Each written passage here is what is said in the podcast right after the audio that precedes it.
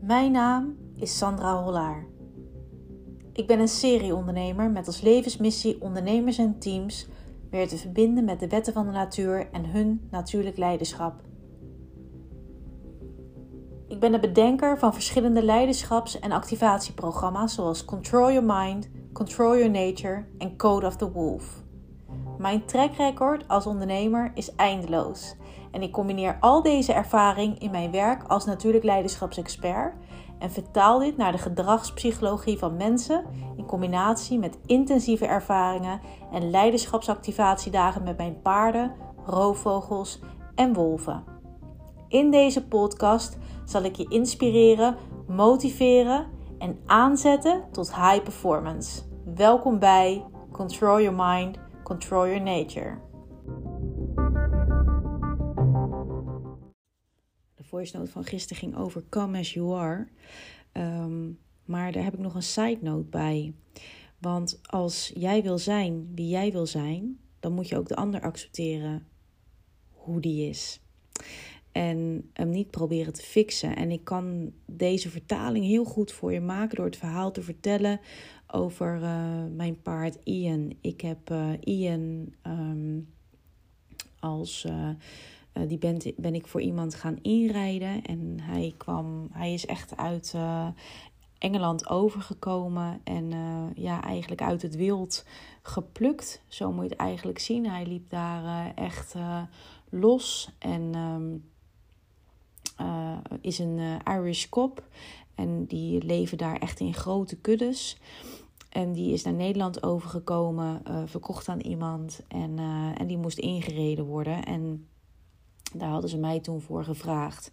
Nou, Ian en ik matchten eigenlijk al vanaf het begin heel erg goed met elkaar. Want juist die wilde kant van hem, um, die ik moest temmen, om het zo maar te zeggen. Ja, die, die werkte als een bepaalde aantrekkingskracht naar mij toe. Nou, uiteindelijk had ik dat paard uh, uh, zadelmak gemaakt. Maar um, ja, hij was niet echt heel erg. Uh, er zat eigenlijk geen rem op, zeg maar. En uiteindelijk hebben die eigenaren ook besloten van ja, dit vinden wij te eng. We zetten hem te koop. Maar juist omdat ik die aantrekkingskracht zo bij dat paard voelde, dacht ik van ja, ik koop hem. En uh, zo is Ian uiteindelijk bij mij gekomen.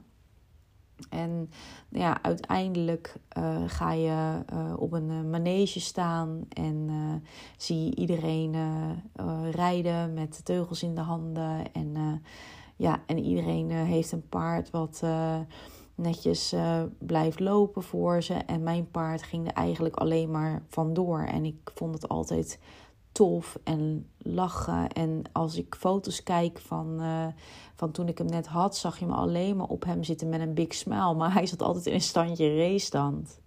En op een gegeven moment, weet ik nog, kreeg ik les van iemand. En die zei tegen mij, San, hè, dit mag hij niet doen. En nou, eigenlijk zei hij van, hey, die wilde kant, die moeten we indammen. Dus wie Ian daadwerkelijk was... Um, ja, dat werd eigenlijk niet geaccepteerd. En ja, ik dacht van oké, jij bent een professional. Uh, ik, uh, oké, is goed, gaan we trainen. Maar we kregen het eigenlijk niet goed onder. Wat Ian toen op een gegeven moment ging doen, is om onder dat werk uit te komen, is heel hoog stijgen en zich naar achteren laten vallen. En dat is natuurlijk super gevaarlijk. Paard is zwaar. En als dat op je valt, eh, is dat, uh, ja, zijn de consequenties vers kunnen verschrikkelijk zijn. Dus ja, dat was best wel een groot probleem. En die man zei ook tegen mij van San, je moet hem verkopen, dit kan niet.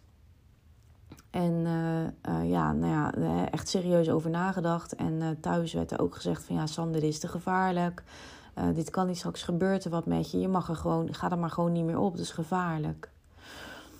Ja, en uiteindelijk... Um, een uh, advertentie geschreven en hem te koop gezet. Ja, en het is een super mooi paard. Dus ik kreeg daar heel veel reacties op. En gewoon wel een eerlijk verhaal erbij. Van hè, hij, is, hij is niet te temmen.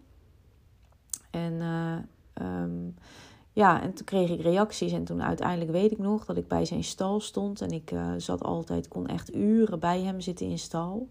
En toen werd ik gebeld en iemand reageerde op de advertentie. En ehm, terwijl ik bij Ian stond, vertelde ik zijn verhaal en wat ik voor hem wenste. En uh, de man die ik aan de telefoon had, die zei van... ja, ik zou hem heel graag voor de kar willen zetten... en met hem uh, willen gaan reizen. Ja, dat is super mooi. Ik denk, oh, wat lijkt me dat gaaf voor hem. Gewoon vrijheid hè? En, uh, enzovoort. Dus, maar uiteindelijk maakte ik daar eigenlijk de connectie op het moment dat ik dacht van, oh, wat lijkt me dat fijn voor hem. Dat hij zich vrij kan voelen. Toen dacht ik ineens, hé, hey, maar ik kan hem ook vrij laten voelen. Ik wil hem nu veranderen. Ik wil zijn wilde kant hebben. En ja, luister, mijn wilde kant wil ik ook niet laten temmen. Ik wil ook vrij zijn. Dus ineens kon ik die connectie maken. En ik keek naar Ian en ik zei tegen die meneer, terwijl ik een heel mooi gesprek had. En die meneer eigenlijk al dacht van zo gaaf, ik kan dit paard van haar kopen. Ik zei meneer, sorry, maar hij staat niet meer te koop. En ik heb opgehangen en ik heb um, toen dezelfde avond gelijk die advertentie verwijderd.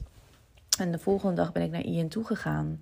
En ik heb hem een... Uh, halsentouwtje omgehangen, geen zadel opgedaan en ben met hem naar buiten gegaan en heb hem vrijheid gegeven van ga maar. En hij is toen kei en keihard gaan galopperen, echt in volle rengelop zijn we, zijn we gegaan en ik viel er op een gegeven moment bijna af en wat Ian deed was hij, hij gaf een hupje en zette mij weer recht op zijn rug. En eigenlijk vanaf dat moment zijn wij met elkaar verbonden geraakt. En hebben we zo'n mooie connectie met elkaar aangegaan. Vanuit vertrouwen. Ik heb hem alle vertrouwen gegeven. Want ik heb hem die vrijheid gegeven. Nou, ga maar. En doe maar, ik pas mij wel aan. En come as you are. En dan, dan zullen we samen winnen. Ja, en dat, dat hij is echt mijn warrior horse. Als ik nu met hem rij en met hem bezig ben. Wij kunnen met elkaar lezen en schrijven, omdat we allebei de wilde kant van elkaar accepteren. Dus, uh, en dat is ook heel erg mooi te vertalen als je met anderen werkt. Um, ja, als je een connectie maakt, maak de connectie vanuit vertrouwen en vanuit jouw gevoel. Hè? Come as you are, maar vraag ook aan de ander van hey, ik wil dat jij echt bent wie je, wie je wil zijn. En, en werk dan aan die connectie in volledige overgave en vertrouwen met elkaar. En respecteer iedere rol. Is ook binnen een team enorm belangrijk. een connectie met een team maken doe je echt vanuit vertrouwen. Dan, dan krijg je pas een sterk team.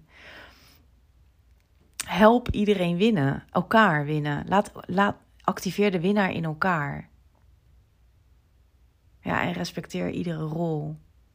Dus als ik kijk naar de les die ik uit dit verhaal van Ian haal, is dat, we, dat ik een besluit heb genomen uh, vanuit hoor en wederhoor. Een besluit genomen heb op basis van overeenstemming en vanuit betrokkenheid. Ja, en dan krijg je een onevenaarbare, diepe connectie met elkaar. En ik heb, ik heb het nu, nu over mijn paard, maar als je dat bij mensen doet of bij teammembers uh, of bij je gezinsleden of bij je vrienden, weet je, dan krijg je ook een connectie die onevenaarbaar is. Dus laat nooit de wilde kant aan jou temmen, maar wil ook niet de wilde kant in een ander temmen.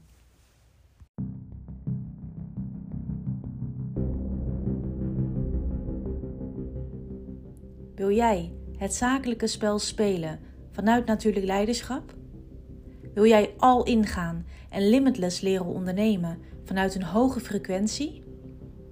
Heb jij behoefte aan meer focus? Wil jij leren ondernemen vanuit een ijzersterke en heldere strategie? Wil jij jouw innerlijke kracht tot activatie laten komen?